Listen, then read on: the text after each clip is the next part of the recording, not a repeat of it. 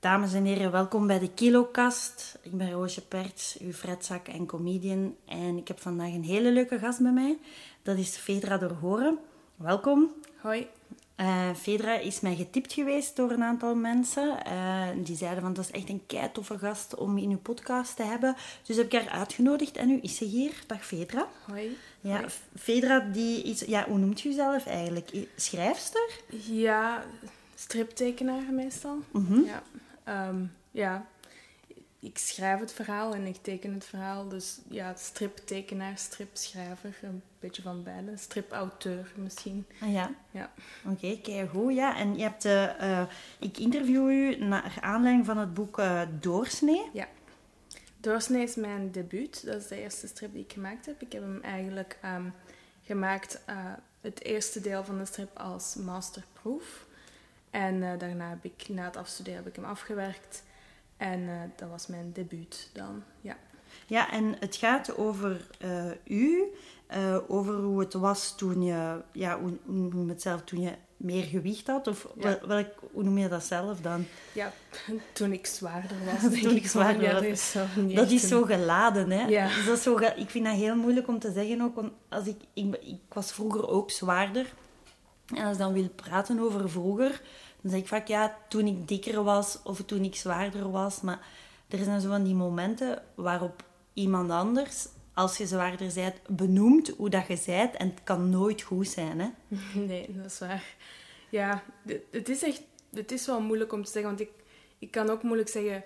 Nu dat ik slanker ben, dat, dat voelt ook dan zo een beetje raar aan. Ja. Zo, want ja, waar is het punt waarop dat je ineens niet meer zwaarder bent, maar Ja. slanker? Dat is een beetje vreemd. Ja, ik Maar- haat dat zo. Als je dan in de winkel bent en dan de verkoopster zegt van...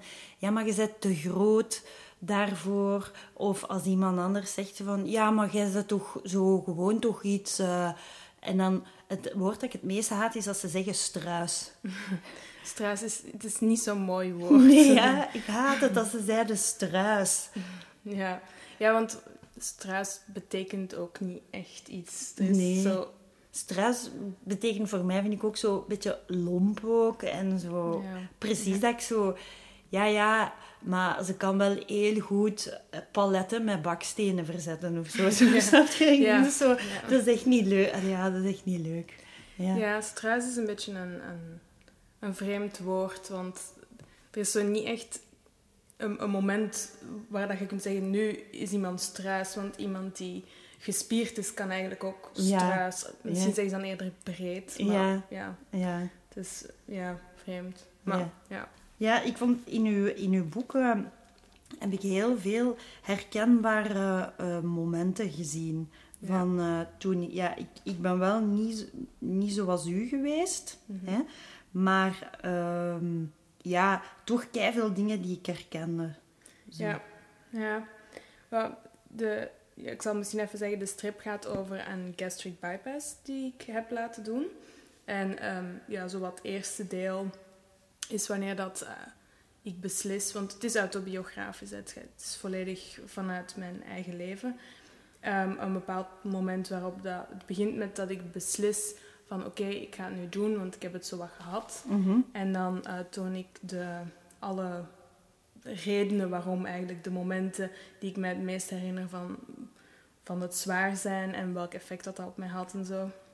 Dan het midden is eigenlijk de operatie zelf. En het tweede deel is eigenlijk alles wat volgt daarna. Hoe dat ik afgevallen ben, welk effect dat, dat op mij had, eh, hoe dat, dat gaat, wat dat je kunt eten, wat je niet meer kunt eten.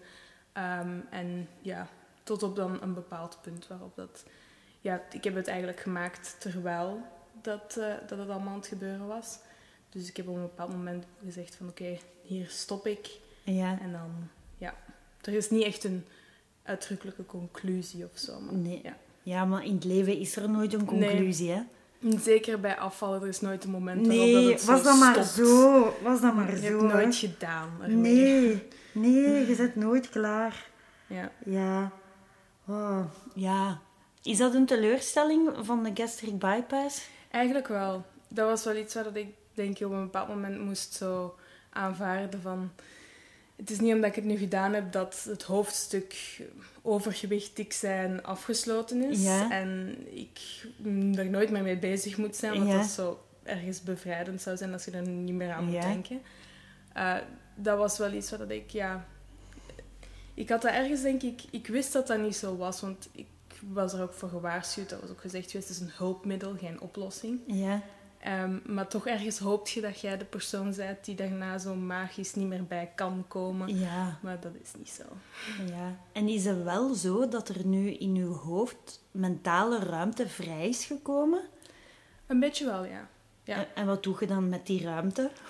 Waar dan spendeert je dat? Want ik vind wel dat als het verschil tussen mij nu en 10 kilo geleden eh, is... En ik weet dat is maar 10 kilo, maar dat, is wel, dat heeft wel echt een effect op, op hoe dat je je leven leidt, vind ik. Hoe dat je naar jezelf kijkt, al is het maar gewoon 10 kilo. Ik vind dat veel. Dat... eh, wat was ik nu aan het zeggen? Ja, je zit er gewoon echt heel hard mee bezig. Want bijvoorbeeld als je op het vliegtuig gaat of zo, dan denk je, ga, ga ik- gaat die naast mij of ga ik daarin passen of zo. Plastieke stoelen en skikledij, al die dingen. Ja. Dus allee, er komt echt wel ruimte vrij.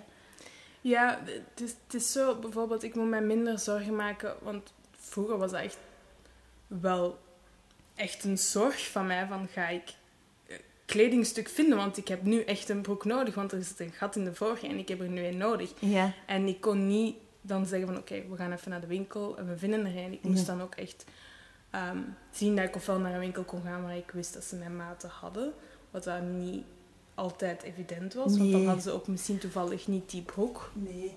Of ik moest online iets bestellen.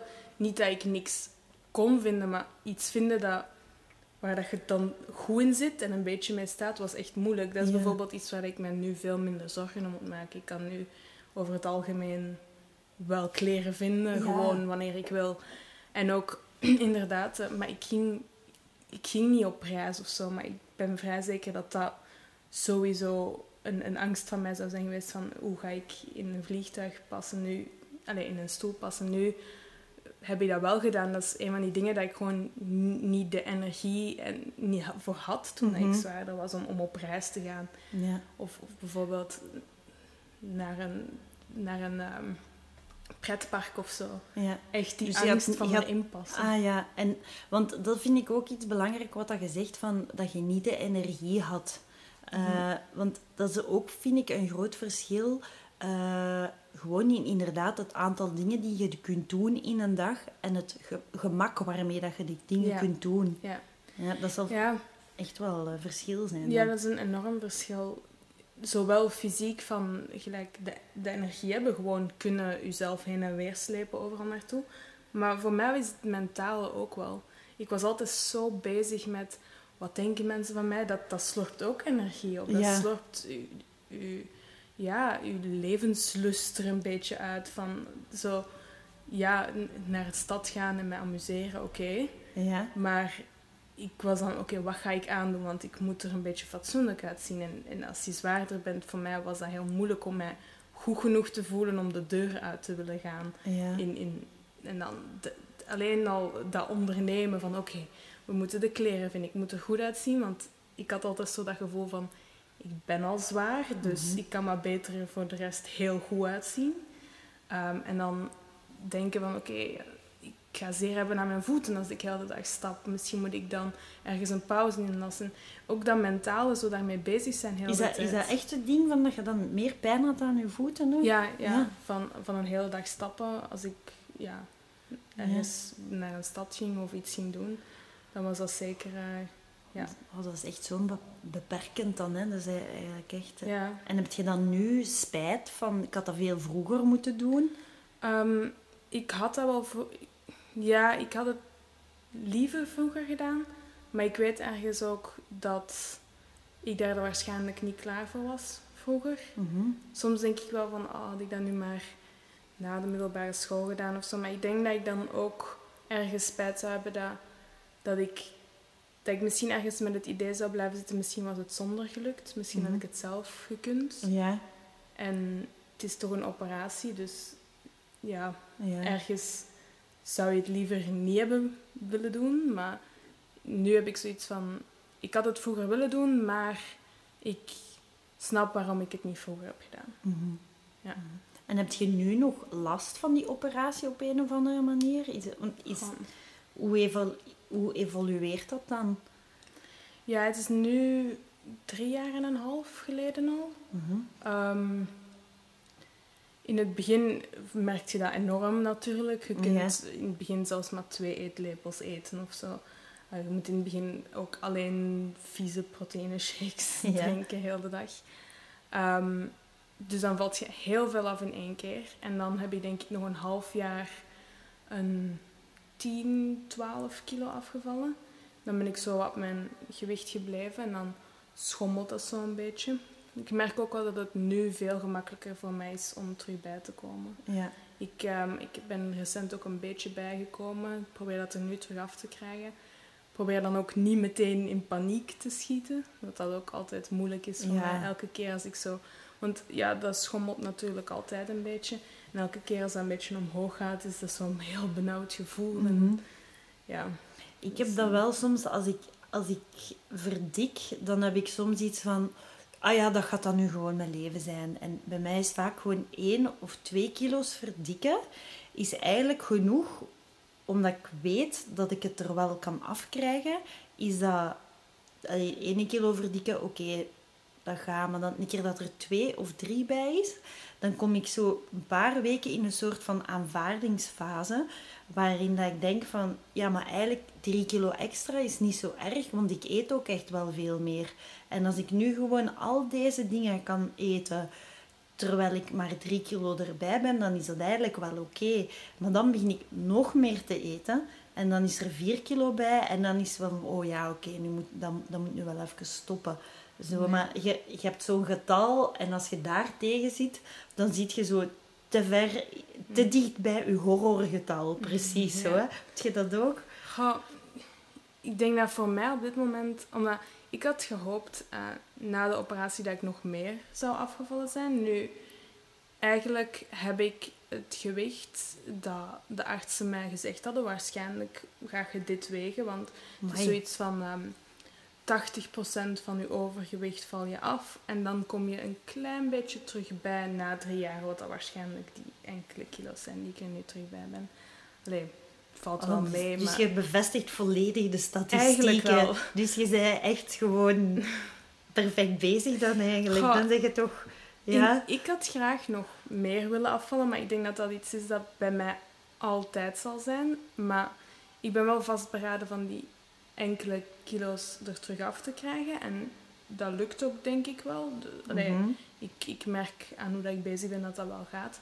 Maar ik zou eigenlijk nog meer eraf willen doen, zodat als dat is gebeurd, ja. als ik mezelf eens laat gaan, Ja, dat, ik je zo de... de ja. ja, een soort van marge heb. ja, zo. ja, ja, ik weet het. Maar de marge, dat kun, dat kun je denk ik nooit echt houden. Omdat ik heb ook zo mijn, mijn ideaal gewicht. En ik weet gewoon van, oh ja, als ik 68 zou wegen, dan zou ik echt perfect zijn. Want dan heb ik nog 2 kilo tot aan 70 en dan kan ik zo terugkomen. Maar om op dat gewicht te blijven, dan moet ik echt weinig eten. ja. Allee, en dan moet ik echt toegevingen doen op mijn levensplezier. Ja, En- ja. ja het, ergens wat dat ze... ehm, maar ik weet niet of dat, dat altijd zo lukt, maar wat dat ze met de operatie ook voor een stuk willen doen, is dat je dat eigenlijk stopt. Dat eten niet meer iets is van mijn Levens- levensplezier, Oh. zo, snap je? Ja, dat is het daar, zit zo, eigenlijk. daar zit zoveel in, hè, in eten. Ja. Want voor mij zit in eten zit ook mijn eigen troosten, mijn eigen belonen. Ja. En is dat bij u, was dat bij u ook zo? Enorm. En, en het erge is dat dat nog altijd zo is voor een stuk. Mhm. minder als vroeger, maar ik heb nog altijd het gevoel van dat is het enigste dat zo goed werkt. Eten voor mij te ontspannen en te troosten. En, Mhm. en dan, dat is eigenlijk iets dat ik waarschijnlijk best had moeten aanpassen net na de operatie. Maar iemand zijn enigste ontspanning zogezegd wegnemen is ook wel een beetje gevaarlijk op een bepaalde manier. Als, Ah, als je ineens zonder datgene komt, dan moet je daar een vervanging voor vinden. En dat is niet altijd gemakkelijk. En dat is echt nog iets waar dat ik echt probeer aan te werken. Dat is echt moeilijk, hè?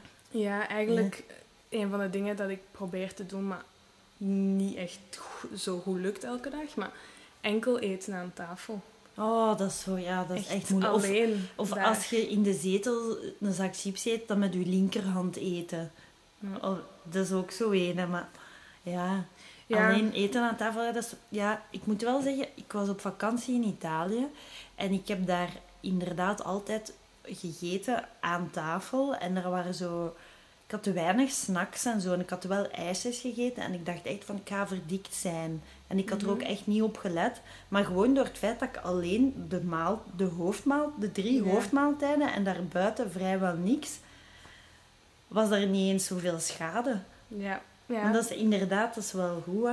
Maar het is ook om, om, om het niet alleen zodat je minder eet, want ja, je moet stoppen wat je doet, eten. En dan pas kun je terug gaan doen wat dat je mee bezig was.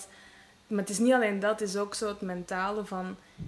Ik heb geen plezier aan gewoon zitten aan tafel en Nee. enkel eten. En Nee. zelfs geen radio of zelfs geen tv in de verte of zo. Dat is niet plezant meer dan eten. En, ja, zeker niet Ja. alleen. Als het met iemand anders is, dan is het nog wel ja, leuk. Ja, Maar dan nog, want wat dat ik wel heb, ik heb nog altijd dat ik zo... Soms heb ik dat wel, dat is echt een beetje hebberig. Dat je zo kijkt van, oei, wat is die aan het eten? En ehm, gaat dat dan op zijn voor mij? Of zo. Of, Ja, dus ja, we hebben thuis een, een... In het boek staat er ook een stukje over. En we hebben een, een gezin met drie kinderen en mijn ouders dan. En dat is altijd ja, aan, aan tafel. Iedereen wil zijn deel hebben. En Ja. dat is zo'n beetje... Nu is dat natuurlijk... Ja, ik kan sowieso minder eten. Maar ik heb dat gevoel nog altijd soms van... Ik schep nog altijd vaak te veel op mijn bord. Gewoon omdat... Dat zit daar zo in van... van als je kind Ja, als ja. ik nu niet genoeg neem, dan is er zelfs niks meer. En, dan, en, en ik weet dat ik dat niet opkrijg, want ik kan niet meer zoveel eten. Maar toch schep ik dan nog op. Ja. En dat is ja, compleet fout eigenlijk. Hoe Maar ja. komt dat toch dat we dat als kinderen dan deden? Dat dat echt, want nu ontdek ik dat, dat, dat zijn echte dingen. Ja. Dat je zo... ja, dat is denk ik zo'n beetje een oerinstinct van ik moet genoeg hebben. Ja. Want- terwijl dat je weet dat je niks tekort komt. hè. Nee, nee, maar dat is echt raar, hè. En Ja. zelfs zo dat idee van... Zelfs als je nu niks hebt, je gaat nog wel eens de kans Ja. hebben van dat te hebben. Maar Ja, toch is dat zo... Ja. ja. ja want jij werd ook thuis met drie meisjes, hè? Ja. we waren ook met drie meisjes. Want er is ook zo'n moment in je boek dat je het hebt over dat je zussen en jij zijn zo aan het kijken naar kleren of zo. En dan zeggen jullie, nou, hier, je zegt dat ze van, ah ja, ik heb nog altijd een gigantisch gat of zo. Hè? Mhm. En, maar zo gewoon zo dat... Het woord gigantisch, dat is ook iets wat dat mijn zussen en ik zeiden over ons eigen achterwerk of zo. Dus je creëert wel, eh, vind ik, tussen eh, vrouwen ehm, een soort vocabulaire die eigenlijk echt super destructief is. Ja. Vind je dat niet? Ja, nu... Ik zou dat nooit over mijn zussen gezegd hebben. Nee, maar je zegt dat wel over Ja, jezelf, hè? Ja, inderdaad. Ja. Dus ja, je, het, is, het is ergens zo... Je breekt jezelf af op een bepaalde manier. Je hoopt natuurlijk ook wel dat je zus iets... Iets opbouwends Ja. zegt. Ja. Maar, maar dat is soms eigenlijk een stom spelletje om te spelen eigenlijk. Ja. Want ja, je wilt iets lief over jezelf horen, dus breekt jezelf dan maar af, zodat iemand anders iets lief over je zegt. Want je kunt dat blijkbaar niet voor jezelf doen. Nee. Dus, ja. Ja, dat is hè. Dat, dat is zo dat klein stemmetje dat hij nu ziet, dat ja, op alles een beetje een negatieve commentaar geeft. Ja. Of van, ja... Maar ik moet wel zeggen dat nu met ouder te worden, is dat wel zo van... Ja, allee, pff, ik doe gewoon niet een korte short aan. En, want dan denk ik, als ik nu kijk naar foto's van vroeger, dan denk ik, maar allee, was, allee wat dacht ik toen? Hè? Eh, ja, dus een bepaalde periode waar ik foto's zie dat ik denk van, ja, gaat wel gelijk doen. Maar dus ook zo oudere foto's niet. En dan denk ik, als ik nu zou kijken... Allee, als ik 80 ben en verrompeld en verschrimpeld, dan ga ik wel blij zijn met de foto's van nu waarschijnlijk. Ja. Ja. Dus dat denk ik, want allee, er is een hele periode dat, je, dat ik niet op foto's ben geweest, bijvoorbeeld. Heb jij ook zo een, Ja. een gat in uw, in uw digitaal testament voor later? Ik, ik heb, ik heb ehm, bijna geen foto's van mijn lichaam. Toen dat ik op mijn zwaarste was. Ja. Ehm, en ergens ben ik daar vrij blij om. Ik heb wel een paar foto's, zo, foto's van op familiefeesten en zo, waar dat we dan een foto met z'n allen, waar dat ik dan niet... Allee, dan, dan zou ik ook niet degene zijn om te zeggen van nee, ik wil niet, want Ja, dan ja, verpest je het voor iedereen. Maar als ik had gekund, had ik gezegd nee, ik doe het niet. Ik heb echt geen foto's zelf genomen of met vrienden genomen van mijn lichaam. Ja. Ik zie dat natuurlijk wel in mijn gezicht wel wat, maar dat is natuurlijk niet hetzelfde als een foto van Mhm. je lichaam. Dus eh, ja, maar op zich, ik, ik zou het niet gewild hebben. Mhm. Dus aan de andere kant heb ik wel een hele strip erover gemaakt. Dus dat, dat was ook zo een van de dingen is, ik, ik draag in de strip vaak een badpak. Ja. Ik heb in het echt geen badpak gedragen in die periode. Ja. Ik, no way, dat ging gewoon niet. Als ik toch eens ben gaan zwemmen, het zal misschien één of twee keer gebeurd zijn toen ik zo zwaar was, was dat een jonge short en een lang topje. En dan nog zou ik daar zo half bedekkend gestaan hebben. Ja. Dus ergens, het feit dat ik mezelf dan in badpak getekend heb, is zo... Ja, het- was om, een beetje om een punt te maken, zo. Om, Ja. om, de persoon, allee, ik dan kwetsbare daar te zetten. Want dat was, voor mij, zou dat het meest kwetsbare ooit Mhm. zijn in een badpak daar Ja. staan. Dus ja, het, Ja. is, het, het heeft wel zijn effect, maar ik had het niet in het echt gedaan. Nee. Sowieso niet. Ja. Ja. Al die meisjes nu die dat, dat voelen. Ja. Dat, is, dat is wel echt het ding. Hè. En, en doe je het nu wel in je badpak? Gaan... Nee. Nee. Nee, ik heb eh, geen badpak. De jongensshort is iets korter geworden Ja, dat, ja. dat mag. Maar ik heb nog altijd veel losse huid. Dus daar voel ik me nog altijd heel onzeker over. Oké. Dus het is zeker niet dat, dat het nu zo voorbij is, maar ik voel mij al veel beter in kleding. Ja. Ik voel mij, ja, als ik dan in badpak of, of minder of zo, ook beter dan toen ik op mijn zwaarste was. Maar die losse huid is natuurlijk iets dat u nog altijd anders Ja. maakt dan de rest. Mhm. Mhm. Zeker zo aan mijn bovenbenen en mijn buik. is toch iets dat ik nog altijd graag zoveel mogelijk verstop. Oké. Ja, misschien ja, kun je daar een operatie voor laten doen. Ja. Of, of, Ja. eh, ja. Dat is eh, in het plan. Oké. Maar, maar, eh, dat is zo een van die dingen. Een, een operatie is sowieso iets. Ik vond dat absoluut verschrikkelijk om door te gaan. Dat is Ja. heel eng, dat is heel ongemakkelijk. En, en, en Ja, maar is dat ook niet... Dat is denk ik in de opbouw, maar als je dan in het ziekenhuis zelf bent, dan valt het toch mee, denk ik. Of niet? Goh. Is dat nog... voor mij was ik. Allee, pijn sowieso. Maar ja, daar kun je nog ergens zo zeggen van oké, dat is maar van korte duur. En wat voor pijn was dat? Was echt zo... Voelde dat echt aan je maag dan en binnen Goh. in je buik? Of was dat dan het litteken dat trekt? Of... wat? Nee, want het litteken, er zijn bijna geen. Dat zijn zo van die Ah ja, zo... laparoscopisch zo. Dus dat valt keigoed mee. Maar ja, inderdaad, je maag. En dan een beetje eten en dan heb je wat pijn. En dan voelen wat is de limiet. En je voelt je misselijk en niet goed. En direct na de operatie had ik wel even heel, heel veel pijn. Echt Mhm. stekende pijn. En ik heb dan ook overgegeven. Wat dat natuurlijk als je maag Oh, ja. Ja. dus dat was wel even, maar daarna valt eigenlijk valt dat keigoed mee. Maar ik heb ergens ook altijd gewoon een beetje schrik van een operatie. Wat als er Mhm. iets misloopt, wat als... En dan in het ziekenhuis liggen daarna is ook wel... voor- wat- Dat was voor mij heel moeilijk. Mhm. Zo, ik wou liefst zo snel mogelijk naar huis. Zo. Ja. Dus ik, ik ga die operatie wel laten doen, maar ten eerste het budget. Want Ja. dat wordt niet helemaal terugbetaald. Zeker niet als je het door een plastische chirurg laat doen.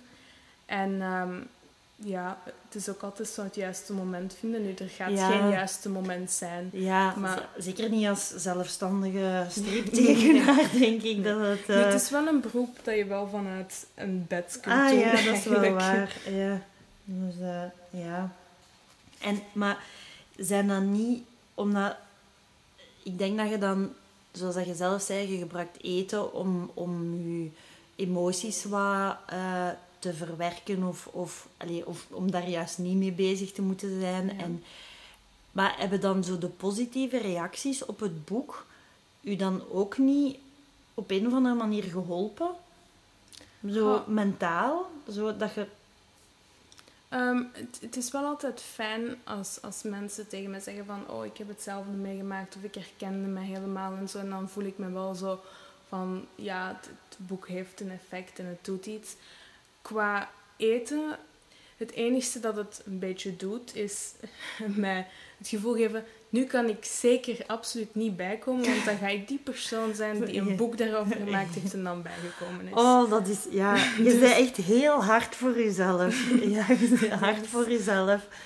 ja. Maar, maar ik denk wel echt dat eh, meisjes met overgewicht, waarvan ik er zelf in ben geweest, die zijn super hard voor zichzelf. Absoluut. Dat is echt, ik denk dat, allee, ik denk dat dat van een soort hardheid is, die, waarvan andere mensen echt zo zouden zeggen van, oeh, jezus, deze is wel heel donker. Want dat Ja. is toch. Ja, dat is absoluut. Ik- ben het einde van mijn strip ook. ehm, geef ik mijn, voor, allee, mijn zwaardere zelf een, een knuffel om ergens mezelf te excuseren voor hoe gemeen ik eigenlijk ben geweest tegen mezelf. Ja. Gewoon, ergens heb je het gevoel van. Ja, je, je laat jezelf, je stelt jezelf precies heel de tijd teleur. En dus Mhm. ben je gemeen tegen jezelf. Want je ja, hebt het gevoel, ja, je dus stelt kom mij- aan, hè. ja. Ja. En, en, en zo die idee van, je kunt zelfs dan nog niet. Je kunt niet eens stoppen met die koekjes te eten. En dingen die, ik denk dat heel veel andere mensen niet, zelfs niet bij stilstaan. Als, als je daar niet moeite mee hebt, denk ik dat dat moeilijk is om te begrijpen waarom dat je in je hoofd zo tegen jezelf spreekt. Dus eh, ja, de- het is eigenlijk bijna ziekelijk soms hoe, dat, hoe dat je tegen jezelf kunt spreken op die momenten. Mhm. Dus ehm, iets dat ik wel echt probeer nu beter in te zijn. Dat lukt nog niet altijd, maar ik probeer wel. Ja, dat is goed. Ja, je moet helemaal niet zo hard zijn voor jezelf. Ja.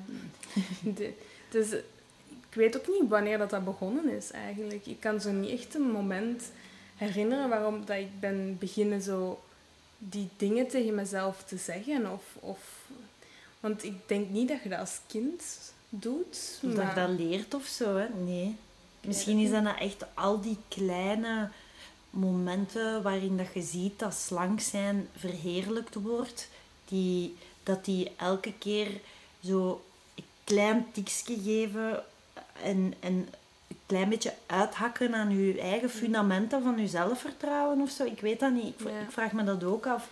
Waar, waar eh, ja, Nu aan de andere Maar- kant, kinderen zijn ook wel echt gemeen tegen elkaar Ja. soms daarover. ja, Want ik heb, allee, dat komt ook in de strip op een bepaald moment dat, dat ze echt over. Allee, dat was eigenlijk iets dat ik mij heel erg herinner. Van ik denk dat ik niet echt ouder dan 12 of 13 kan zijn geweest. Dat ze in de kleedkamer eh, bij LO zeiden dat als ze zo dik als mij zouden zijn, dat ze dood zouden willen zijn. oh, wauw. Dat zijn echt zo van die dingen dat je denkt, Wauw. dat wordt... Allee, dat is dan niet alleen jezelf, dat is ook echt wel voor een stuk de maatschappij dat Ja, zegt van... Het is wow, dat is super heavy om zoiets te zeggen. Ja. Ja, ja.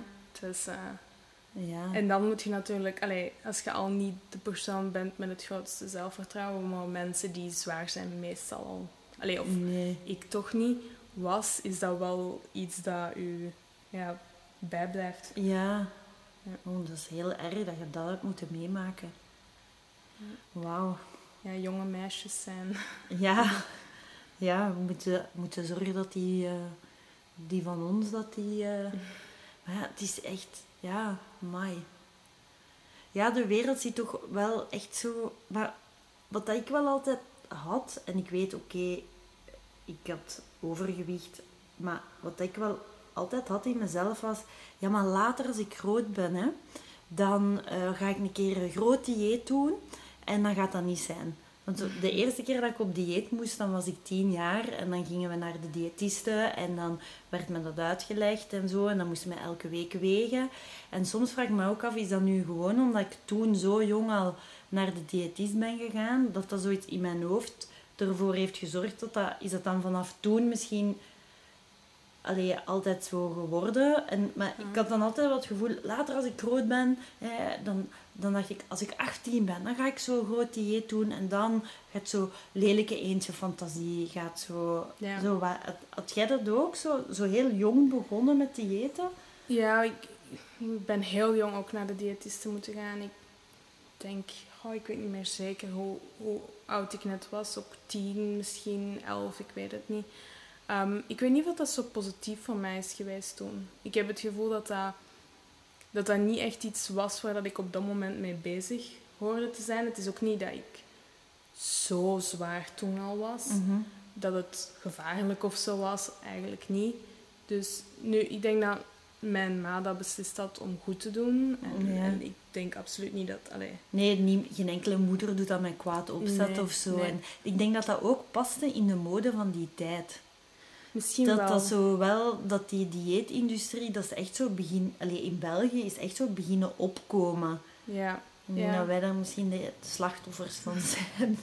Want ik weet dat mijn, mijn oudere zus, ehm, die is niet te zwaar nu, maar die heeft wel ook wat problemen gehad met overgewicht. En wij twee zijn naar de diëtiste gegaan en mijn jongere zus is niet gegaan. Mhm. En die was op 11 denk ik ook wel beetje zwaarder, zo Ja. 12.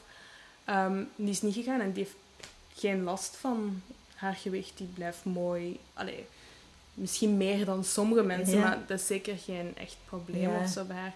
Dus niet dat dat per se ermee te maken heeft, maar Nee. ik denk wel dat dat ergens zoiets is van ja, het is niet omdat je vroeg begint met diëten dat je gespaard gaat zijn. Misschien juist het omgekeerde. Ja, Want je bent er dan zo mee bezig ook. ja, Terwijl dat als je misschien er minder mee bezig waart geweest, dat je niet zo geobsedeerd zou zijn ja, want geweest. dat is ook een moment in je boek dat je, je moet gewicht eh, verliezen eh, of zo. Of je mocht eten. Het is een periode dat je toch veel mocht eten, maar dan vermagert je juist. Omdat Ja. je er niet meer over hebt nagedacht. Maar het is niet echt mocht eten. Ik had Oh, ja. gewoon beslist van... Ja, Ik wist dat ik de operatie ging doen. ja, En ik denk dat het nog twee weken of zo was. En ik had zoiets van...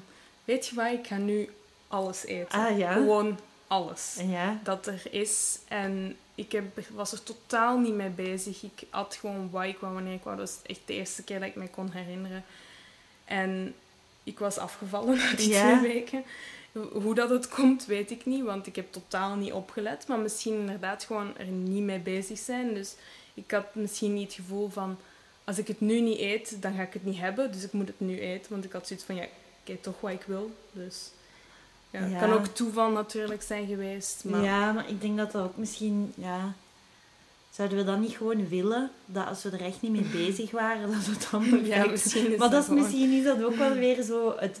het eh, eh, de, het dikke meisje in ons dat zo kwaad is.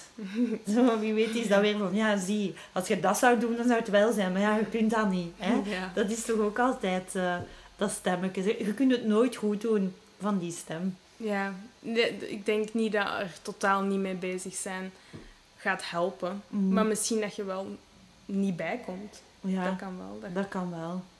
dat je gewoon dan een bepaald gewicht hebt en daarop blijft. Er zijn zo van die mensen die zo zeggen van ja, ik ben daar niet mee bezig. Ik kan soms uren aan een stuk niet aan eten denken. Ik kan het persoonlijk niet zeggen dat ik het ben, maar er zijn zo mensen. En misschien Ja. als je er niet mee bezig bent, dat je er ook niet zo naar hunkert. Ja, ja, echt eh, een ander soort mensen eigenlijk dan, hè. Dus, eh, ja.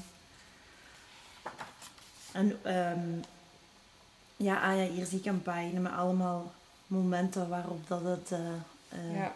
Dikker zijn lastig is. Ja, dat is, eh, dat, die pagina is meer de fysieke momenten. Dus bijvoorbeeld eh, de riem, het gevoel dat hem niet... Allee, het kan ook meer een gevoel zijn, zo van die riem rondom. Ja. En dan bijvoorbeeld eh, op mijn hogeschool zijn zo van die ouderwetse klapbankjes zo. Ja. Dat je de bank naar beneden moet klappen. En dan moest ik altijd zo even inademen. En dan- Oh, Ja. ja. Ja, want de titel is ook van... De titel is Doorsnee, want het is Ja. een, de doorsnee van, van uw maag dan eigenlijk. Ja, het is een beetje zo het, het gevoel van ehm, normaal willen zijn, qua gewicht dan vooral. Eh, willen niet zo het gevoel hebben dat als ik een kamer binnenwandel, dat ik de dikste persoon in elke kamer ben. En ehm, inderdaad ook dan het, het idee van een snee, hè, de operatie zelf. En ook een beetje het boek dat in twee is, hè, voor en na.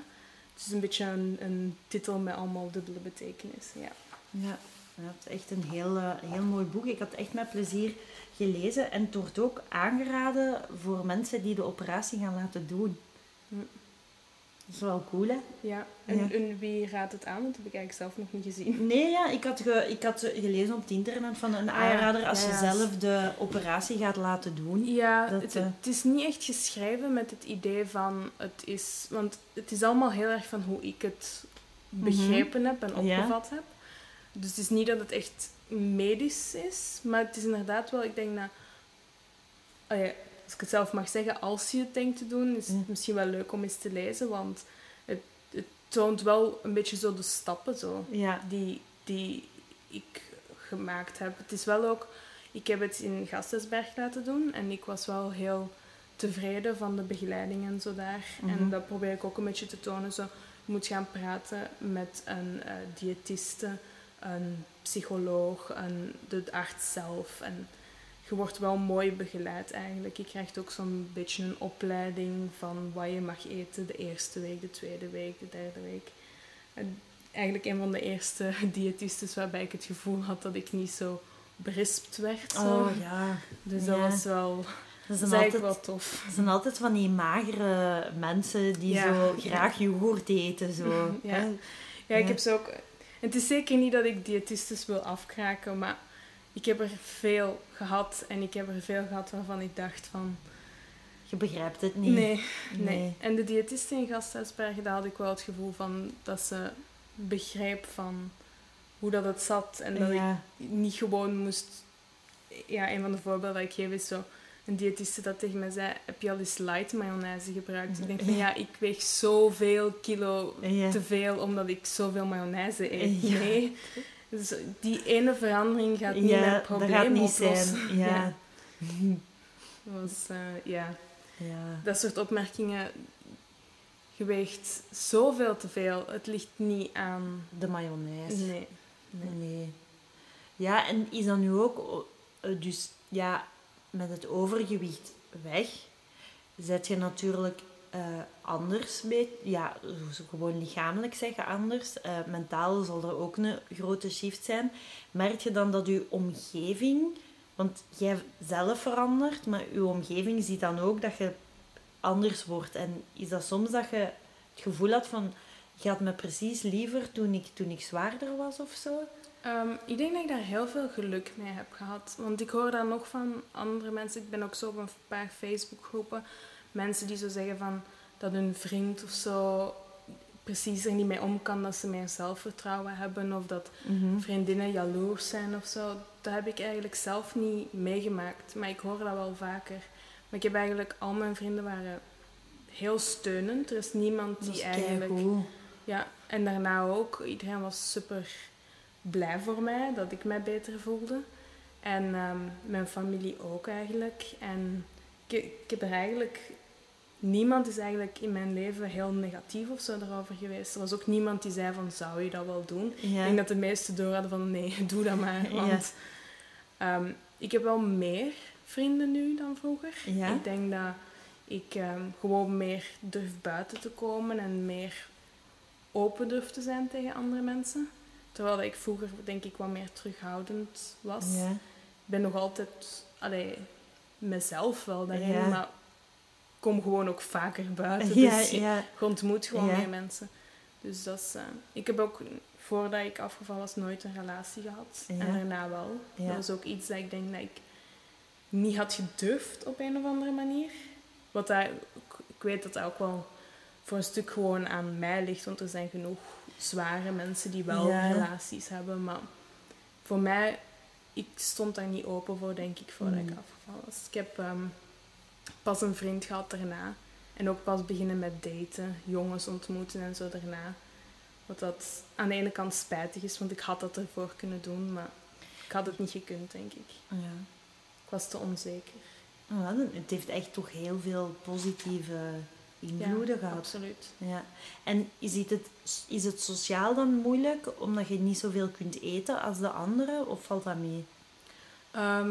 Goh, dat valt wel mee. Ik denk dat ook in restaurants zijn nu dat ze het meer kennen dan vroeger. Mhm. Ik denk dat ik wel op een, op een moment dat het heb laten doen dat het wel meer gebeurde. En, en ik denk dat het nu ook veel vaker gedaan wordt dan vroeger. En dus bijvoorbeeld zeggen om de overschot mee te nemen naar huis of zo. Ja. Dat is niet meer zo raar nu. Ja. Dus dat valt wel mee. Oké. Het is, eh, ja, soms heb je nog wel het gevoel van dat ze zo vragen, was het lekker? Omdat ze zo Ja. het gevoel hebben van drie kwart Oh, nee. over. Maar ja, Ja, allee, maar kijk hoe. Maar dus ja, dit is nu, dus doorsnee is dat verhaal. En wat is dan het werk waar dat je nu mee bezig bent? Want, Ehm, ik ben nu bezig, ja, de, de opvolger. Ehm, ik heb, goh, het is moeilijk om uit te leggen omdat het nog niet helemaal op punt staat en zo. Ik ben ehm, naar New York gegaan met Mhm. mijn zus en ik wou iets doen over eh, die reis. Maar Ja. ik wou geen gewoon reisboek, want dat is zo een beetje gelijk uw reisfoto's. Het is Ja. plezant, maar niemand Ja. is echt geïnteresseerd. Mhm. Dus ik wou er echt een verhaal in steken. En ik wou niet opnieuw volledig autobiografisch maken, want ik wil zo'n... Ik wil een beetje de, meer vrijheid. Ja, kunnen wat ja. fantaseren, Ja. kunnen wat verder gaan. Dus het is niet echt autobiografisch, maar het is wel geïnspireerd op mijn reis. En het gaat ook voor een stuk een beetje over... Want ja, ik ben er wel mee bezig nu, zo quarter-life crisis. Ja, Wat dat misschien een beetje te zwaar is voor wat dat het is. Allee, klinkt, crisis is zo'n woord, maar ik heb het gevoel dat veel mensen in hun midden twintig tot aan dertig zo wat vragen van wat is nu eigenlijk wat ik eigenlijk wil. Je hebt het gevoel dat je veel beslissingen moet beginnen maken. ja, je wilt niet worden als al die dertigers. Die Nee, je wilt wel- dertigers. Je wilt wel worden zoals de dertigers, maar je wilt de juiste dertiger Ah, worden ja, voor ja. jezelf. Ja, Het is, het is zo, je moet beslissingen maken over waar ga je wonen, wat ga je doen, wil je een gezin, Mhm. al die keuzes. Eigenlijk voor een groot stuk gaat het gaan over keuzestress en het Ja. gevoel van weg willen lopen Ja. in de plaats van al die beslissingen moeten maken. Heb je het gevoel dat misschien in het verleden je, ja, je bepaalde keuzes niet over nadacht, omdat je dacht dat het geen optie was? En Ja. misschien, ja, misschien word je nu inderdaad wel echt overweldigd door alle, alle grote mogelijkheden. Allee, er is meer mogelijk voor u. Ja, ja, zeker. Ik denk dat het feit dat ik heel... Ik denk dat heel veel mensen die een gastric bypass doen, dat hebben ze mij gezegd, was... Die gaan precies terug door een puberteit. Oh, Zo ineens- oh proficiat. Ik ben, er al, ik ben er al terug uit. Maar Ja. zo ineens zo van... Ik wil eens uitgaan. Ah, zo, ja, snap je? ja, zo dingen dat je ervoor niet echt deed. Mhm. En ik ga eens lang wegblijven. En ik ga eens zot doen. Allemaal dingen dat je zo ervoor niet durfde. Zo ook durven in de belangstelling staan of zo. Ehm, dus ik denk wel dat dat dingen zijn die ik gemist had. En die ik dan daarna een beetje ingehaald heb. En nu kom ik op een punt van, ja... Nu moet je eigenlijk wel gaan beslissen. Want je begint op een leeftijd te komen... Het is eigenlijk ook allemaal een beetje... pff, het- ik denk dat...